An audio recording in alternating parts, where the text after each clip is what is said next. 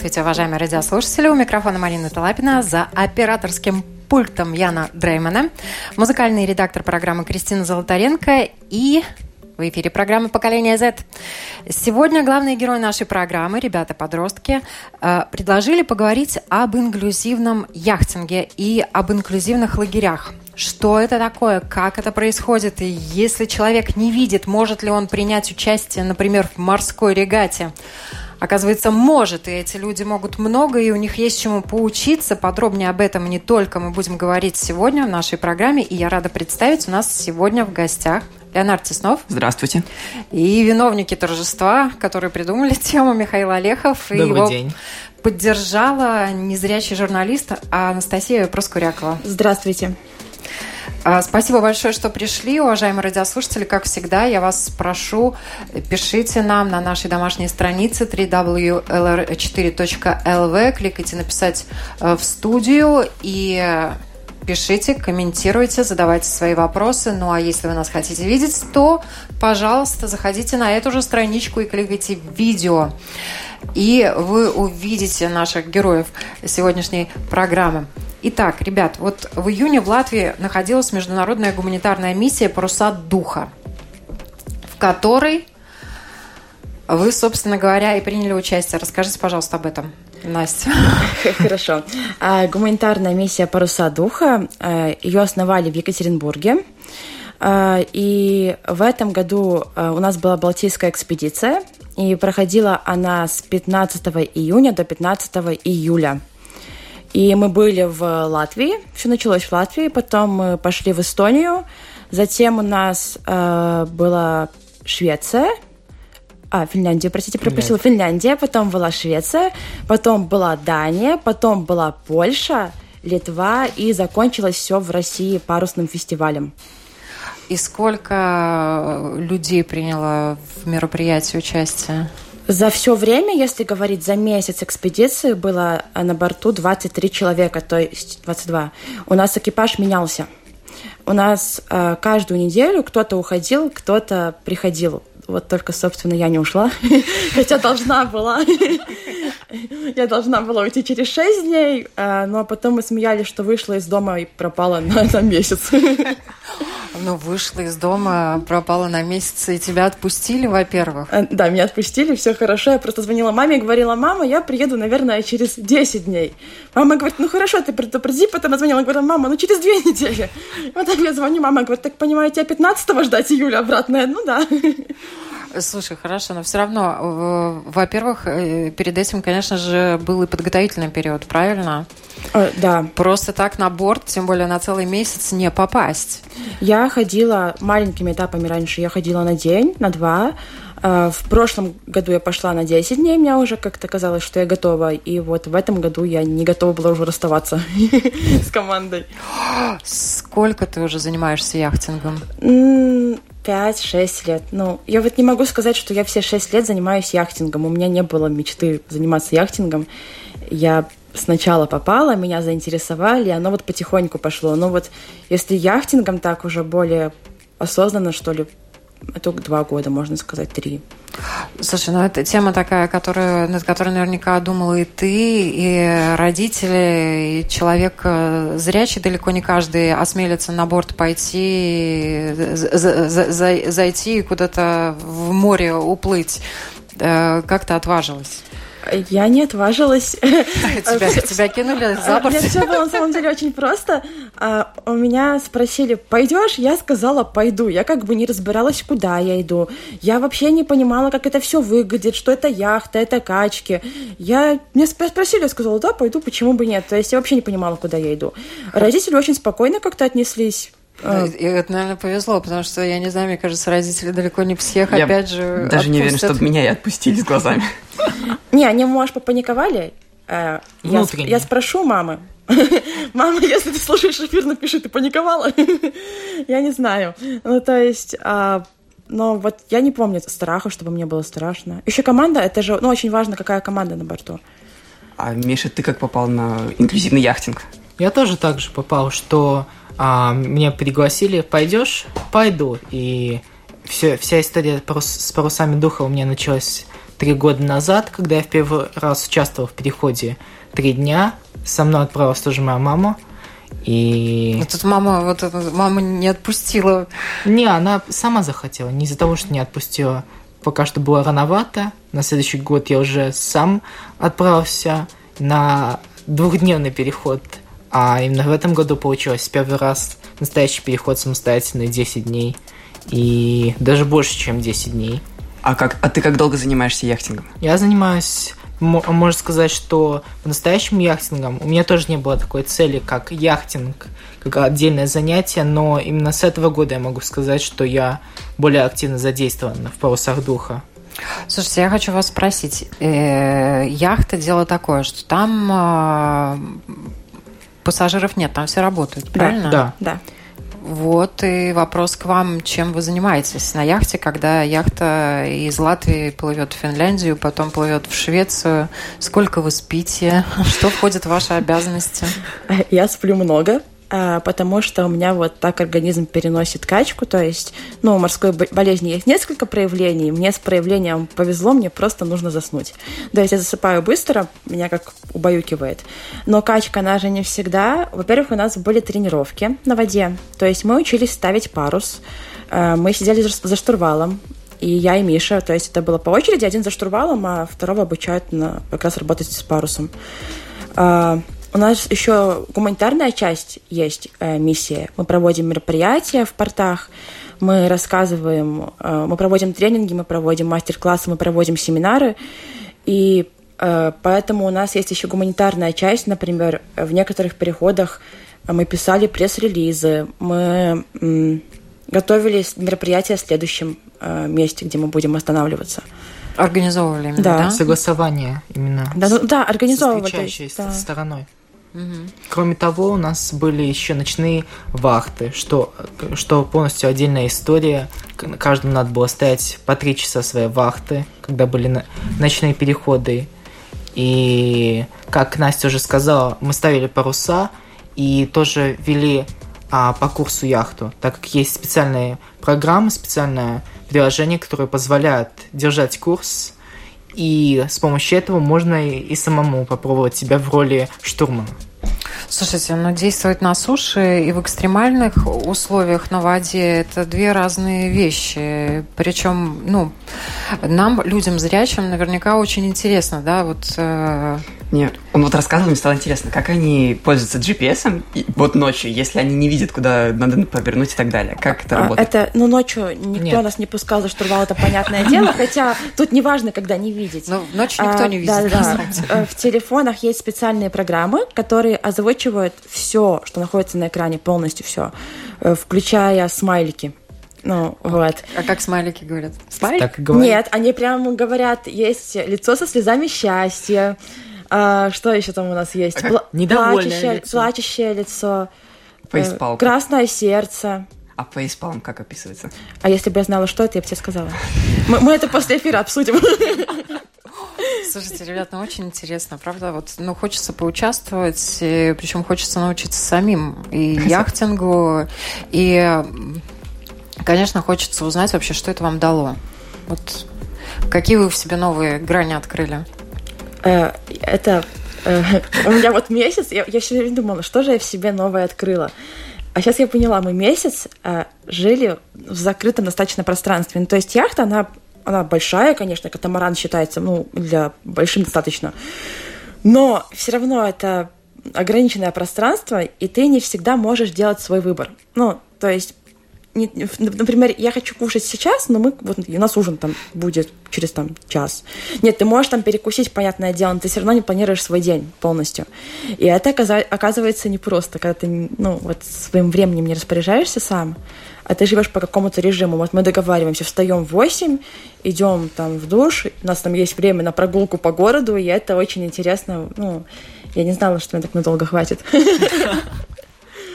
Миша, тебе? А, я тоже скажу, что это очень необычный опыт, когда ты живешь в ограниченном пространстве с другими людьми, и надо все согласовывать, именно взаимодействовать с людьми. Это самое главное, что мне дало просто духа, что ты учишься а, эмпатии, это очень сильно развивает эмпатию между людьми, и ты учишься понимать других, чтобы подстраиваться и это, это, а, это небольшое общество на катамаране, на яхте. Ну и оно закрыто. Оно и оно закрыто, да. да. То есть... Чтобы вы понимали, согласовывать, это вот, когда идет яхта, то у нас ну, было такое правило, оно даже не то, чтобы оно вот правило-правило, но что было важно делать, что если у нас было три или четыре человека незрячих, то когда куда-то идет кто-то из незрячих, ты говоришь. Потому что, во-первых, и покачивает, во-вторых, ну, это просто может быть неприятная ситуация, напротив тебя, тебя идет человек с чайником, ну, допустим. Поэтому ты вот серьезно, ты говоришь, я спускаюсь. Потому что вдруг там кто-нибудь поднимается навстречу. И как бы, ну, там не разойдешься. Ну, а ребята другие вас тоже предупреждали? Э, Все члены команды? Конечно. Команды, Конечно. да? да? Это такое да. было правило. Просто когда это делает наверное... зрячий человек, он видит, что, что иду я, и он там скажет, постой, подожди. А незрячие это старались делать всегда, чтобы не было столкновений. Ну да. А считается, что вы как бы слышите или чувствуете примерно, что что-то на вас движется? Нет, яхта качает так, что там столько звуков ты слышишь, кроме того, что что-то на тебя движется.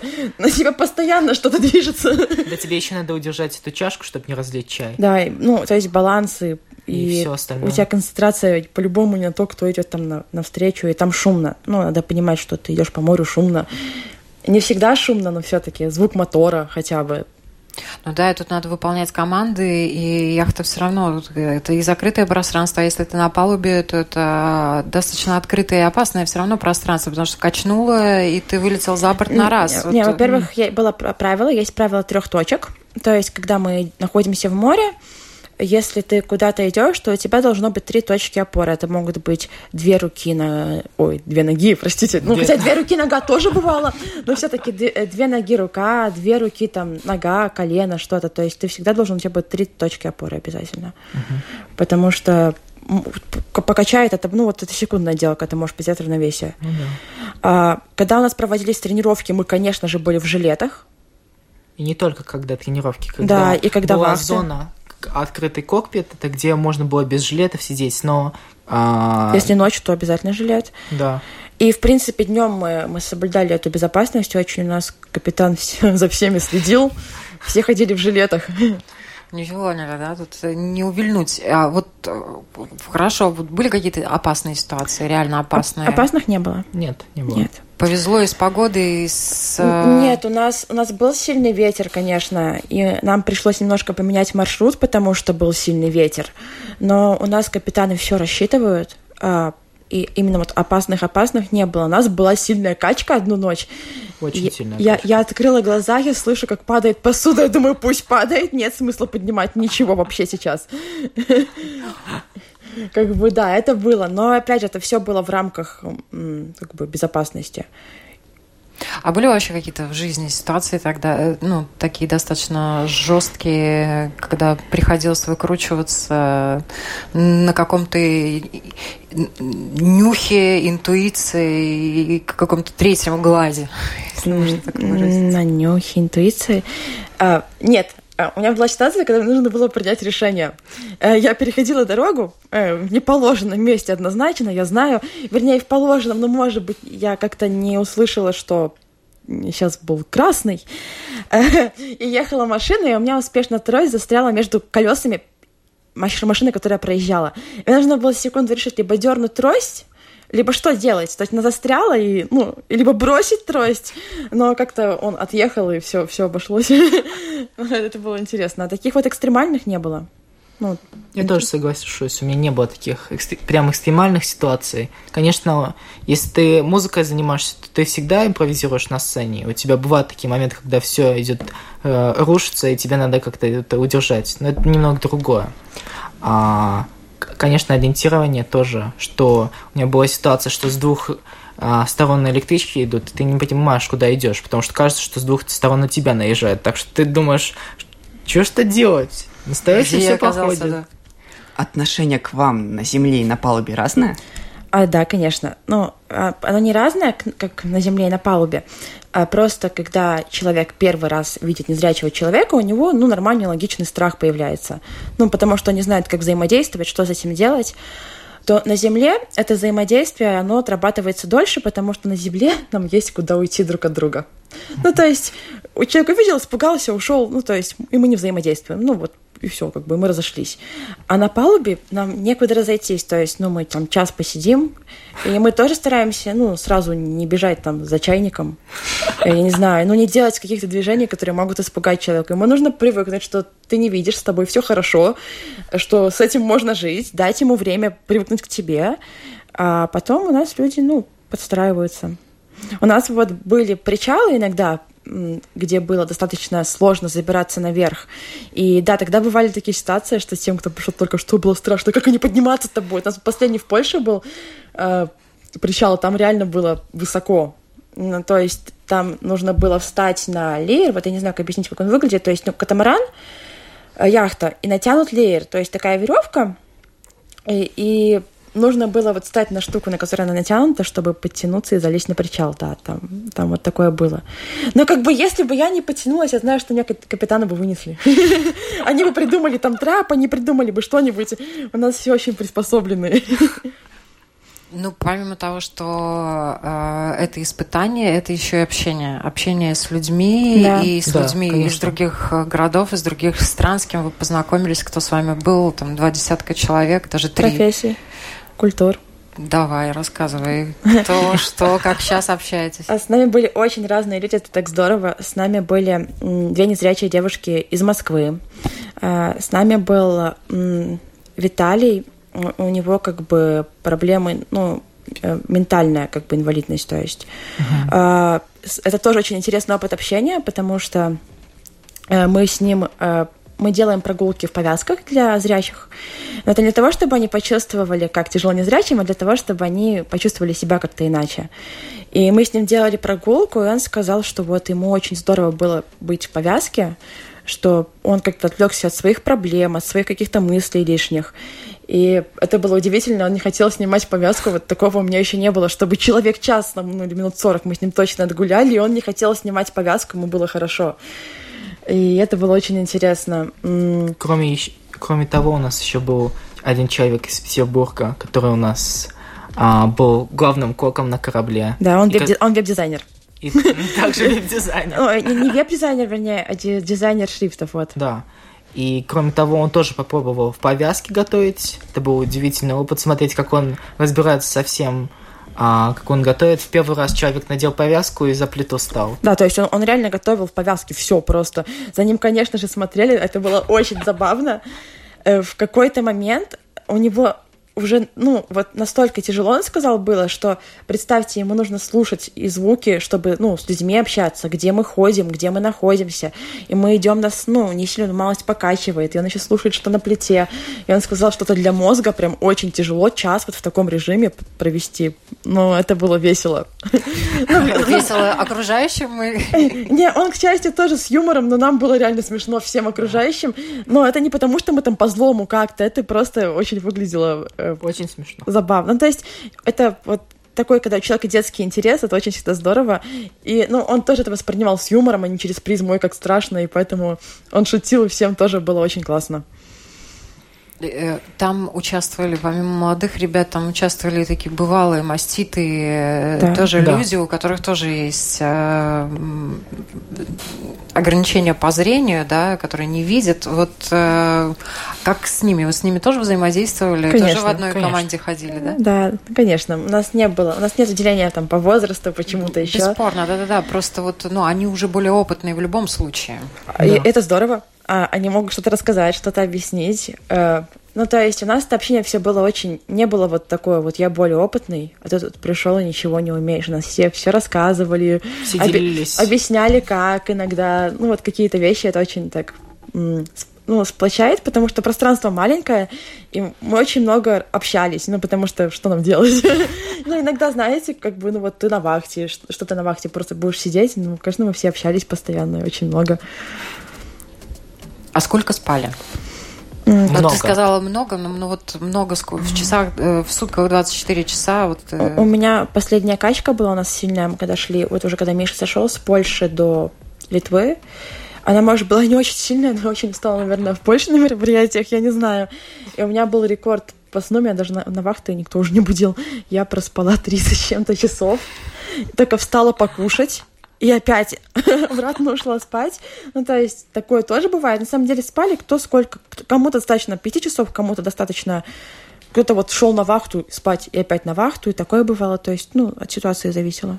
Есть три разновидности морской болезни. Это когда э, первая это когда человек много спит, вторая всем более известная это когда человек плохо себя чувствует, зеленеет в прямом смысле Да. этого слова. А третья это когда очень хочется есть. И человек все время ест. И Я- похоже, что ты знаете- все время ел Знаете, я, или вы- я- я вышла поесть, когда я спала и вышла поесть, и сказала, смотрите, у меня два проявления, очень больной человек. Считается, что укачивание связано как-то со зрением. Вы, как люди, которые меньше видят, чем мы, у вас меньше этого чувства. Вы это меньше чувствовали, чем мы? Нет. Нет. Это Укачив- одинаково? Нет, э, укачивание может быть связано со зрением, то есть первичные его признаки, когда ты там смотришь на все это. Но это не отменяет того, что тебя, эм, ну, как бы укачает и без него. Укачивание на самом деле связано с эм, Вестибулярным. с вестибулярным аппаратом, то есть вот у нас там как-то что-то не уравновешивается. Я уже не помню, объясняли, как это работает на равновесие. И, и это никак не связано вот как раз эм, со зрением. Ну то да. есть со Эти механизмы совсем. у нас на самом деле Да. и в ушах. и в ушах, есть. и, и укачивает. Но вот я пока не могу объяснить, почему и когда, ну, потому что, э, как говорит наш капитан, э, укачивает всех, главное подобрать нужную волну. В свою волну. Да, то есть у каждого своя волна. Кого-то укачивает, когда длинные волны. Вот я не очень люблю, когда волны непостоянные, то есть на длинная, длинная, длинная, как бы яхту подбрасывает. Потом ее нет, потом опять подбрасывает. Вот мне при этом не очень хорошо, но я быстро иду спать, и все нормально. Э, То есть кому-то при другой волне. Вот я не знаю, Миш, как тебе с укачиванием? Мне тоже так кажется, что мне наоборот легче, когда длинная волна идет, идет, идет, подбрасывает и опять подбрасывает. У меня нет такого. То есть непонятно вообще иногда, почему тебя не укачало каждого и укачало человека в по-разному. ситуации, да. Причем это ничего страшного, к этому все нормально относятся, все понимают, что это море здесь может укачать, и мы всем, кто приходит на, на Первый раз. да, первый раз на, на лодку, мы всем говорим, что это то, чего не надо стесняться, о чем нужно сразу же сообщать, как бы вам все помогут, все объяснят. А мы продолжим, уважаемые радиослушатели, вам объяснять после музыкальной паузы. В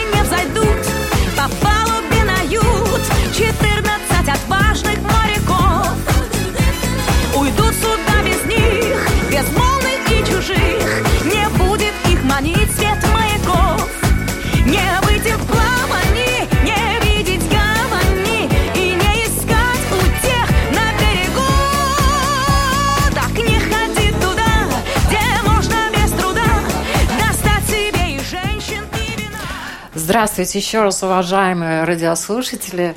Э, у микрофона Марина Талапина. Сегодня в эфире программы «Поколение Z» у нас в гостях э, незрячий журналист Анастасия Проскурякова, а также наш постоянный соведущий Михаил Олехов, у которого тоже э, специальные очки к сожалению, они не помогают ему видеть. Миша не видит, но живет полной жизнью и дышит полной грудью. И сегодня у меня соведущий Леонард Теснов – я рада, что мы рассказываем вам о инклюзивном яхтинге и других мероприятиях, которые проводятся для людей э, не только незрячих, но и с другими ограничениями, возможность, э, с ограниченными возможностями. И хочется, э, ребят, вас спросить, мы уже начали за эфиром говорить, что вы делали на яхте, когда вы не спали, не ели и не стояли на вахте в свободное время? У нас Миша привез карты э, специальные для незрячих, то есть, ну, с ними можно со зрячими играть, там просто есть еще точки и для незрячих. Тактильное обозначение. Да, тактильное обозначение. И привез э, шахматы.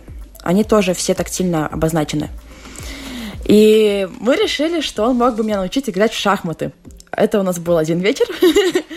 этот вечер затянулся на очень долго. А, да, кстати, но... в шахматы играть я не умею. Нет, Настя научилась играть, даже почти не обыграла. научилась. Обыграла. Ну, как обыграла? Я просто дала другому. А у нас есть, был, тоже был еще один Миша, он тоже незрячий, он с Екатеринбурга. Я, я отдала э, правление Мише. И, и все уже пошло по другой Миша, колее. Миша посмотрел, сказал, я, конечно, не знаю, что с этим делать вообще, что ты вот тут наделала, но сейчас разберемся. Разобрался. Да, и еще мы учились, они меня учили играть в карты, это было более успешно. А, вот, то есть мы играли в карты, э, это было очень забавно. А, у нас есть э, страничка проекта Sales of the Spirit в Инстаграме, и там можно в историях посмотреть, как это было. Там и наш быт показан, и как мы вот жили, мы делали видео и всяких мероприятий, то есть э, это очень проходило все весело. И мы еще тоже затронули одну тему, она такая эм, очень, наверное, у многих э, людей вызывает интерес. Э, э, вы рассказали, чтобы почувствовать и открыть в себе какие-то новые ощущения, да, и чтобы люди почувствовали, что такое э, жить без зрения, им одевали специальные повязки. периодически такие социальные проекты, они проходят, проводятся и в Латвии, и в других странах. Да? То есть человек э, зрячий может почувствовать себя незрячим, одев специальную повязку, и какое-то время, там, пытаясь э, найти книгу у себя, причесать, помыть, э, приготовить что-то другим людям да, и так далее. Но вот есть очень интересный момент, который мы затронули, и я надеюсь, что уважаемые радиослушатели, вам он тоже будет любопытен э, в хорошем смысле. А, вы часто очень произносите глагол «видим», «видели», поглядим и так далее. Смотреть. Смотреть, да. Вы его используете практически точно так же, как и зрячие люди, да? Вот что вы реально видите? Как вы воспринимаете мир э, через э, то... Э, э, то оставленное вам минимальное, да, э, угу. те минимальные возможности, которые вот вам даны? А, я вижу свет, а, но я не полагаюсь на это совсем. То есть, ну, я, я могу, в принципе, заметить тени, если я буду очень медленно идти и очень на этом концентрироваться, но я этого не делаю, потому что это забирает очень много времени, и у меня такого терпения нету. Я все-таки полагаюсь на слух больше и на, на тактильные ощущения. Э, то есть на зрение я не полагаюсь вообще. Э, вот еще мы говорили тоже немножечко за эфиром, что в принципе все думают, что вот когда человек теряет зрение, у него темнота перед глазами. Это стереотип, это не так то есть такой темноты нет, у него все равно какие-то как картинки, он видит какой-то свет, ну вот полной темноты ее такой нет. И вот мы спрашивали у многих ребят, никто не сказал, что вот полная темнота. Никто.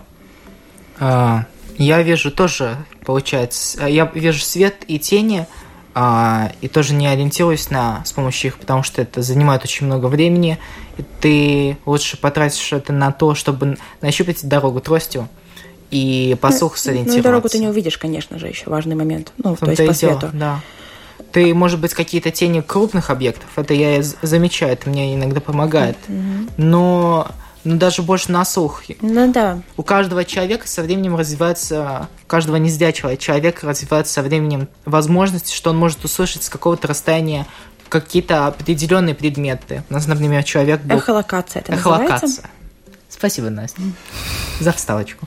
А, эхолокация, у- каждого она по-разному развивается. У меня, например, за время э, за то время, что я хожу с тростью, развился навык, что я могу на каком-то расстоянии, где-то метр два, чувствовать, когда ма- машина стоит на месте. Вот это я могу. Да, машина, когда бордюры, ты уже знаешь, что они там будут. Ну, если они высокие, допустим, то это тоже...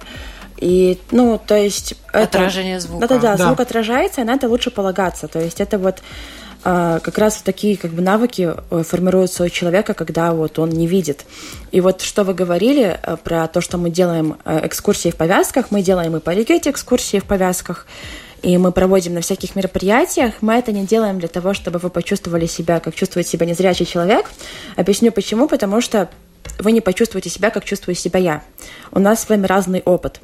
Поэтому, когда э, мы наденем на вас повязку и скажем, так себя чувствует Настя, вам станет очень страшно. Ну, потому что вы представите, что я вот в таком страхе постоянно, что вот у меня неизвестность, у меня темнота.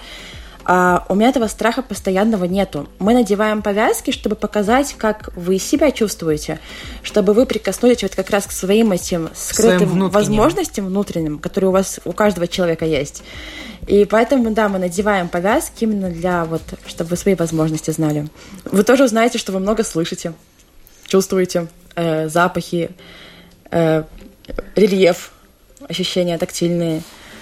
Вы рельеф чувствуете тоже? Ну, когда идете под ногами, вы же чувствуете, что у вас меняется покрытие, Да. что у Ну вас да, да, более ровно, неровно. Вот старой Риге, ну, рельеф не почувствовать, мне кажется, очень сложно. Тут горочки, не горочки, брусчатки и все остальное. Это сложно не почувствовать. да. Нет, если на это смотреть, может быть, вы это просто не замечаете, так вы будете идти, думать, все, покрытие поменялось. Я здесь камушки, а здесь вот что-то справа ремонт делают. Вот я сюда сегодня шла, они здесь ремонт делают, это обойти как-то надо, и вообще машины стоят. Вы упоминали цвет. Я в интернете до этого часто видел, что людям пытаются слабовидящим, которые с детства слабовидящие, объяснить цвет. Как у вас ассоциируется цвет, цвета? А, Это пытается объяснить очень интересно. Ну, по крайней мере, не знаю, как Миша, мне объясняли на каких-то ассоциациях из разряда, не знаю, трава зеленая, снег белый, потому что объяснить цвет невозможно. То же самое, что человека, который не слышит, объясните, как шумит море. То есть ты просто получаешь какую-то базу стереотипов, Который На- переносишь в свой которые ты опыт. переносишь сюда в свой жизненный опыт и свое мышление. То есть тебе вот общество, ну, какие-то вот такие Какие-то стереотипы. устойчивые кон- конструкции, как, например, те же выражения, увидеть. Это просто все окружение использует. Согласитесь, было бы глупо говорить, э, я вчера слушала фильм. Ну вот, ну, ну глупо звучит. Ну, очень странно звучит. Ну, действительно странно Не, не звучит. надо так и над языком издеваться, пожалуйста. Ну, а насчет меня, у меня все-таки был какой-то остаток зрения до 5-6 лет, когда я видел еще цвета, и поэтому мне не на- у меня нет таких сложностей объяснить, а, ш- что на- а, разница между зеленым и, например, глубоким зеленым, между морской водой и а, что, что значит зеленый морской цвет, а, те- терракотовый, например, и с, с травой. А вот у нас немного по-другому. Ну да, то есть у у меня- каждого по-другому. У меня не будет четкого, четкой разницы там, какой зеленый, ну зеленый, что. Ну, как бы, то есть, нет, это не значит, что я не спрашиваю. Я спрашиваю, но просто, что это как бы, ну, на самом деле для меня это просто какие-то навязанные стереотипы языком и обществом, и все. Вот мы сейчас и пытаемся различать эти стереотипы. Один из стереотипов у людей есть. И Вот э, у меня как раз возник вопрос э, при разговоре с одним из участников предыдущих наших э, программ. Эта программа была совсем на другую тему, но тем не менее человек зрячий был очень озадачен тем, что люди незрячие тоже могут по-своему воспринимать и видеть, и говорить о красоте. Для него было э, чем-то необычным, что люди незрячие рассуждают о красоте. Вот мне э, хочется вас попросить, чтобы вы рассказали, как вы чувствуете, воспринимаете, видите красоту. А какую красоту? Давайте мы определимся. Как-то более... А, хорошо. Если берем природную, или, или нет? Давайте берем природную для начала. Если природную, тут есть несколько факторов. Э, Первое, мы считываем эмоции с вас. э, чем у вас их будет больше, а и чем они будут более настоящие, они такие, ну, как бы не наигранные, Да. те- тем лучше мы э, поймем это вот эмоции, это первое. Второе, конечно же, есть тактильные объекты, которые можно трогать. Ну, тут просто вот тебе нравится, либо тебе не нравится. Ну, да, Миш? Ну, конечно, да. Да, и, наверное, третье, я даже не знаю, это такие, такие две вещи. Такие две основные. Все-таки мы ориентируемся на то, когда люди проявляют искренние эмоции. Это чувствуется всегда, когда тебе скажут, как здорово это. Или когда просто, а, просто чтобы показать, что другим нравится, но и мне тоже Ну да, понравилось. красивенько тогда. Ну и, конечно, собственный опыт. Может быть, э, не через визуальное, но через тактильное. Да, э, Можно какие-то создается. через описание. Через записание тоже может понять. Почему детям, когда незрячие дети маленькие, важно еще много читать, чтобы были образы? Ну, то есть, что с литературы шли. А, у незрячих людей книги. э, ограниченное, э, ограниченное количество информации, поэтому очень хорошо развито воображение. Неограниченная фантазия. Неограниченное, да. Вот и какие картинки вы себе рисуете? М, Ну, вот смотря где. Ну да. То есть а, я боюсь насекомых. Э, И поэтому все, что э, жужжит и представляет перед собой что-то большое, оно может там вообще-то маленькая муха милая, которая летает, и ее интересует лаванда, которая растет вокруг. Ну, это она так думает. То в моей фантазии ее, конечно же, интересую я. Она очень страшная, большая, возможно, это сейчас, конечно, утрирую, но она съест человека она из разряда такое, то есть у меня э, мания величия немножко есть, я очень боюсь всех насекомых, мне говорят, «Да думаешь, ты им интересно? Я такая, да. То есть фантазия, она развита хорошо, она не ограничена. И, то есть, ну, вот какие картинки. Сейчас мне никакой картинки такой вот не приходит в голову. Но, но фантазия хорошая. Миш, твои картинки. У меня нет такой, у меня нет такой мании, что мухи меня преследуют. Или Не, ком- меня тоже не преследуют, но если они есть... Не знаю, мне как-то легче рассуждать про то, что, например, когда я играю, мне легче представить какой-то образ, что музыка заключает в себе образ. Я не могу сказать, когда мне говорят, что сыграй тише или сыграй громче, громче мне это мало что говорит. Вот как только какую-то ассоциацию выдает, тогда мне сразу становится на свое место. Например. Например, чтобы сыграть что-то, а, например, когда тебе а, надо по-разному сыграть один звук, ты выстраиваешь ассоциации, что это, например, похоже на капель, или что чем подробнее образ, который ты можешь представить в, в музыке, тем легче ее сыграть. Например, если у тебя а, говорится, что надо играть остро, как, как у ежа иголки, ты поймешь, что это очень остро. Если тебе скажут, что надо еще показать, что это в- в- а, какие-то дополнительные эмоции, в каких обстоятельствах эт- этот еж, в каких а, или что-то другое находится, то это еще больше информации. Вот так ты выстраиваешь. Вопрос, ты учишься играть на музыкальных инструментах в обычных музыкальных школах или в инклюзивных музыкальных школах? В обычной. Вот инклюзивное, давайте разберемся со словом. Давайте. Раз мы уже о нем заговорили. Инклюзивное – это значит как раз обычное, включающее в себя людей с инвалидностью. Или, ну, какие-то другие категории, то есть где разные категории людей. Ну, то есть пока это больше используется по отношению к людям с инвалидностью, но а, тут можно сказать, что и разных профессий. Это будет тоже инклюзия на самом деле, потому что свои навыки мы получаем от, от разных людей. То есть а, есть, а вот если бы была у нас специализированная музыкальная школа, то это уже ну, было бы не инклюзивно. Да, то, то есть вот инклюзивно, как раз он сейчас в инклюзивной занимается, получается. Инклюзивно это когда э, вместе люди создают общий продукт. И это заключается в инклюзии. Мы, а, например, в моей музыкальной школе я играю, другие играют, и я могу играть в ансамбле. И наш общий продукт будет концерт, который мы дадим в конце. Да, он будет инклюзивным. Вот это тогда инклю- инклюзия подразумевает под собой то, что все могут участвовать в этом, Задействованы. могут быть задействованы. И вы еще также проводите инклюзивные лагеря. Да. Да, вот, Да. пожалуйста, у нас осталось буквально 7 минут. Давайте попробуем вписаться и рассказать еще и об этом. Попробуем очень быстро. Да. Это был первый лагерь, который мы провели в этом году. Это была регата. Э, То есть э, наша часть была организовать участников и их быт. а, наш капитан организовывал именно нас парусные занятия. Мы занимались на э, лодках «Оптимист», класса «Оптимист», э, и занимались э, с девушками и ребятами из Рижского парусного центра, Рижской парусной школы. Вот я правильно не скажу. Хотела спросить у Миши, вспомнила, что его там не было. Да. И мы занимались вместе с ними, то есть им по 16-17 лет всем. И у нас было в лодке два человека, один незрячий, и вот один зрячий ученик этой школы. И они нас обучали, как управлять э, парусом, как работать со шкотами. Э, шкоты это вот как раз тросы, как бы на, на чем держится парус, как ими управлять. Э, и вот тут как раз эта инклюзия очень выражается. Нам приходилось очень быстро с друг другом как-то найти общий язык, договориться, э, чтобы мы понимали друг друга, и чтобы человек понимал, насколько он может нам доверять, ну и, и мы ему. И у нас в итоге была регата, соревнование э, в Даугаве. Э, очень успешно прошло все. мы очень рады этому. То есть мы надеемся, что в следующем году у нас будет больше участников. Сейчас было семь лодок. Ну, семь лодок достойно. Ну, это уже неплохо. Хорошее начало. Хорошее начало, я считаю. И э, какие еще мероприятия, может быть, совместные планируются, может быть, даже не связанные с яхтингом? У нас, во-первых, с яхтингом связанные мероприятия. Будет парусный лагерь в Армении. Ну, тут уже как бы не мы организаторы, вот как раз... Основная а, организация Да, основная Белая организация «Белая трость». Но в него можно участвовать, как бы принимать участие всем. А, информацию можно посмотреть на сайте extrability.org, то есть если у вас есть желание, кто вот нас слушает или у молодежи, то это можно делать со 2 по 11 сентября. Мы все будем рады.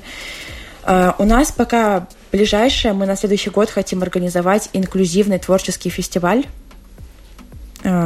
И вот это пока ну, такой это глобальный план. план это, глоб, это, наверное, глобальный очень план, но он такой уже вот ближайший, можно сказать, на следующий год. То есть у нас будет наверняка что-то между этим, но вот такое, главная цель это фестиваль.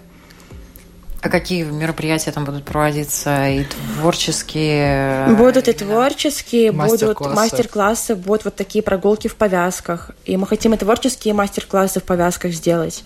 Э, будет круглый стол, мы выберем какую-то тему, которую вот важно обсудить молодежи и представителям организации, и участникам.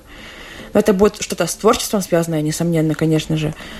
Э, но вот как это точно будет, мы пока, мы пока думаем, что... и какие это будут номинации, мы тоже пока думаем каких вы еще участвуете проектов для слабовидящих, кроме белых парусов, а кроме парусов духа? А, я, наверное, начну первый. А, я участвовал в таких проектах, как Campabilities. Это международный проект тоже по Европе. И они, что они делают? Они организуют различные лагеря, немного отличающиеся по типу а, инклюзивные лагеря для незрячих людей. И я участвовал в Латвии в прошлом году, это было начало августа, неделя проводилась со спортивной направленностью, а также в Финляндии. Кроме того, я участвовал в специализированном проекте, тоже была летняя школа для незрячих, которая проводилась а, в Колорадо и а, местным центром для незрячих. Это было под Денвером. Денвер это главный город штата Колорадо. Там я тоже участвовал в, двух, в двухмесячной программе. Ребят, ну вот что вам это дает? Я этот вопрос уже задавала. И инклюзивные лагеря, и вот именно все инклюзивные мероприятия. Взаимодействие, может быть, тогда ну, как мероприятие. Да, да, да, да, да. Ну, во-первых, оно дает нам новые навыки. Это именно нам. А, а второе, мы как раз рассказываем о незрячих людях, мы убираем вот эти стереотипы, которые у нас есть, э, очень много, которые еще с советского времени есть. И с этим не так легко бороться. И, и ну, это интересно на самом деле. Какие да. стереотипы вам мешают вот, э, от людей, которые видят? Мне не мешают они, я просто понимаю, что об этом нужно рассказывать. Надо их просто есть, принимать. Ну, то есть они мне не мешают. Да. Я понимаю, что они есть, и с этим нужно просто ну, об этом рассказывать. Рассказывайте. Да, мне мешает, не мешает, но вот в какой-то момент меня очень раздражал вопрос, где моя собака. Очень многие люди задают этот вопрос. Вот, я, я всем как бы... Нет, не потому что он меня раздражал, а потому что вот идешь ты по улице спокойненько, ты знаешь, куда ты идешь. К тебе подходит человек, и вот его очень интересует, где твоя собака и почему ты без собаки. И э, еще мне нравятся люди, которые постарше, у них есть такая классная фраза «Кто ж тебя выпустил-то одну?» Ты такое слышала? Я такое... Ты, ты тоже услышишь. Подожди, походи по Риге побольше. В Риге не такое услышишь. То есть, да, э, это мешает очень, что вот все считают... Еще очень иногда мне, что мне, ну, мне как бы не мешает, но э, оно не очень хорошо, когда люди на улице или там какие-то прохожие начинают говорить, что вот как тебя родители отпустили, почему они не пошли с тобой, то есть, ну как упрек. Какие у тебя безответственные родители. Да, как, как, как, как упрек. И то есть, ну ты же не будешь человеку на улице объяснять, что как бы нам что, теперь до 50 ходить вот так за ручку? То есть это не, это не то, чтобы мешает, но оно есть просто. Надо принимать. В зависимости, нравится, не нравится, оно будет. Ну да. И я считаю тоже, что инклюзивные лагеря, главное, что они дают, это навыки взаимодействия и доверия между людьми. Самостоятельности. Самостоятельность это тоже, но вот именно доверие больше Да. всего раз- развивает инклюзию. Потому что если нет доверия между людьми, а доверие это значит, что ты доверяешь человеку, и он тебе обратно, то ничего не будет, никакого инклюзивного взаимодействия. Конечно. Должно быть доверие, не должно быть страха, и поэтому эти мероприятия важны. Вообще доверие – это то, что нужно всем нам. Вне зависимости от того, видим мы или не видим. Спасибо, ребят, огромное, что вы пришли, что рассказали. И у нас, по-моему, получилась очень классная программа. Я напоминаю, у нас в гостях а, Михаил Олехов и а, Настя Проскурякова, которые участвовали в необычной регате, инклюзивной регате, и занимаются инклюзивным яхтингом. И помог мне эту программу провести Леонард Снов. Всем хорошего дня! Ответы на вопросы они ищут в интернете. Лучше разбираются в гаджетах. чем в отношениях. Мечтают работать на себя и не бояться конкуренции. Они самостоятельны. Экономны, лишены иллюзий. У них другие интересы.